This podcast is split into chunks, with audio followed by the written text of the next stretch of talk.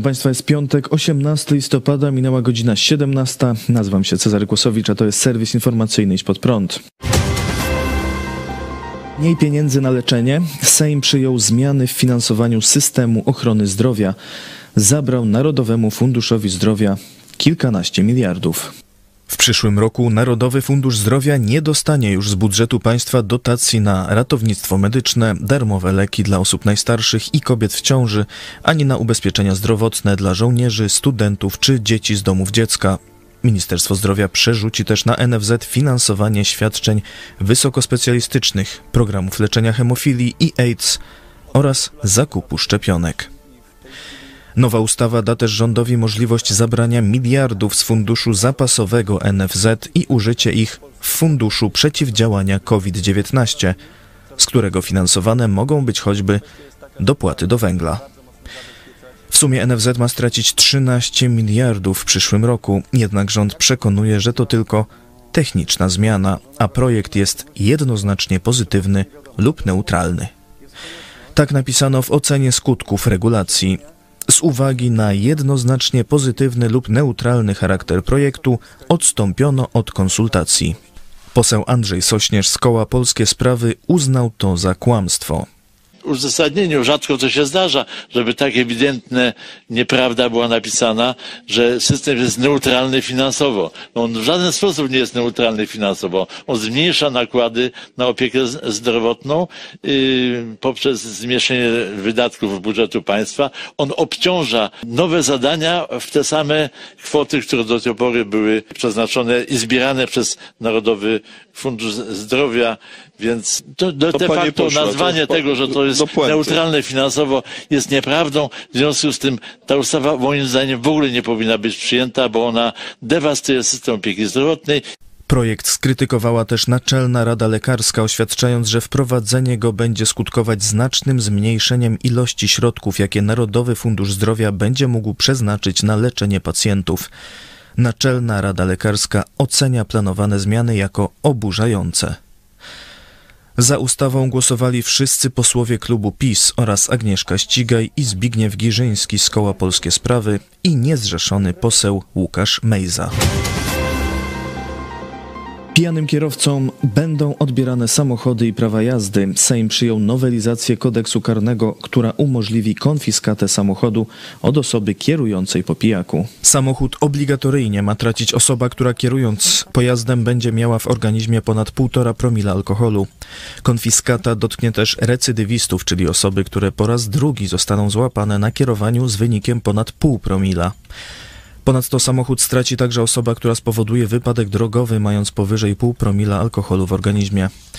Jeżeli pojazd zostanie w wyniku wypadku zniszczony lub nie będzie własnością sprawcy, to kierowca będzie musiał wypłacić równowartość pojazdu. W przypadku pojazdu nie będzie się orzekać, jeżeli sprawca będzie prowadził nie swój samochód, wykonując czynności zawodowe lub służbowe. Wtedy sąd ma orzekać wypłacenie nawiązki w wysokości co najmniej 5 tysięcy złotych. Osoba kierująca samochodem, mając w organizmie ponad pół promila alkoholu, ma też stracić prawo jazdy na co najmniej 3 lata.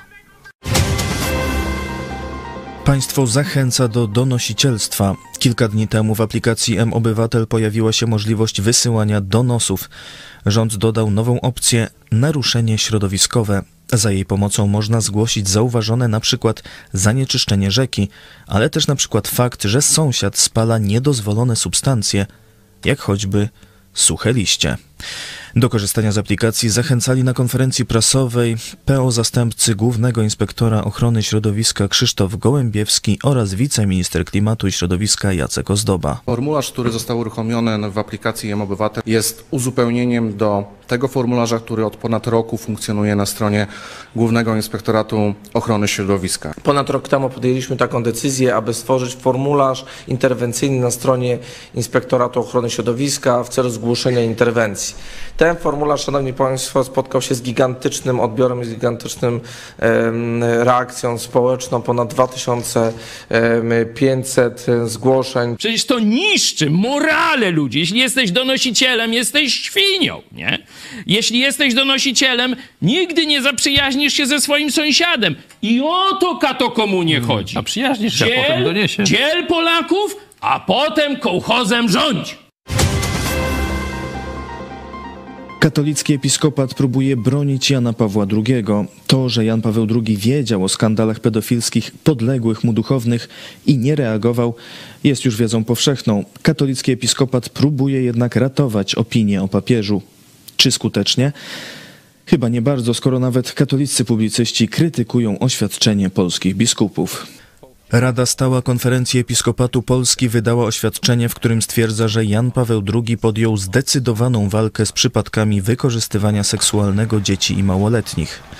Według biskupów przyczyną medialnych ataków na Jana Pawła II jest nie oburzenie na ukrywanie pedofilii, ale nastawienie do jego nauczania wyrażonego w encyklikach. Hierarchowie podkreślają też, że nieufność papieża wobec doniesień o pedofilii duchownych wynikała z jego doświadczeń z zakłamanymi mediami w komunistycznej Polsce, które według biskupów były urzędowo wrogie wobec Kościoła. Katolicki publicysta Tomasz Terlikowski mocno skrytykował oświadczenie biskupów. Jak napisał w komentarzu dla Onetu, dokument całkowicie pomija niewygodne dla Jana Pawła II fakty i opiera się na tezach, o których wiadomo, że są nieprawdziwe. Terlikowski przypomina na Twitterze, że polscy biskupi sami powinni rozliczyć się z własnych zaniedbań. Trzeba by wyjaśnić aferę Peca i udział w niej kluczowych hierarchów polskiego kościoła. Trzeba by wyjaśnić sprawę kardynała Henryka Gulbinowicza i jego otoczenia. Trzeba by zacząć poważnie rozmawiać na temat roli arcybiskupa Sławoja Leszka Głodzia. Nie da się też na poważnie dyskutować o tych sprawach bez głębokiego przeanalizowania działalności arcybiskupa Józefa Kowalczyka, wieloletniego nuncjusza apostolskiego, czy kardynała Stanisława Dziwisza, napisał Tomasz Terlikowski. Robert Fidura podsumował oświadczenie krótko. Stek komunałów, bajek i mitów bez zagłębienia się w istotę niedziałania Jana Pawła II. De facto obrona własnych stołków i przywilejów. A my polecamy film produkcji telewizji Idź Pod Prąd. Gdzie jest teczka JP2? Dostępny m.in. na kanale YouTube. Gdzie jest teczka JP2? Film.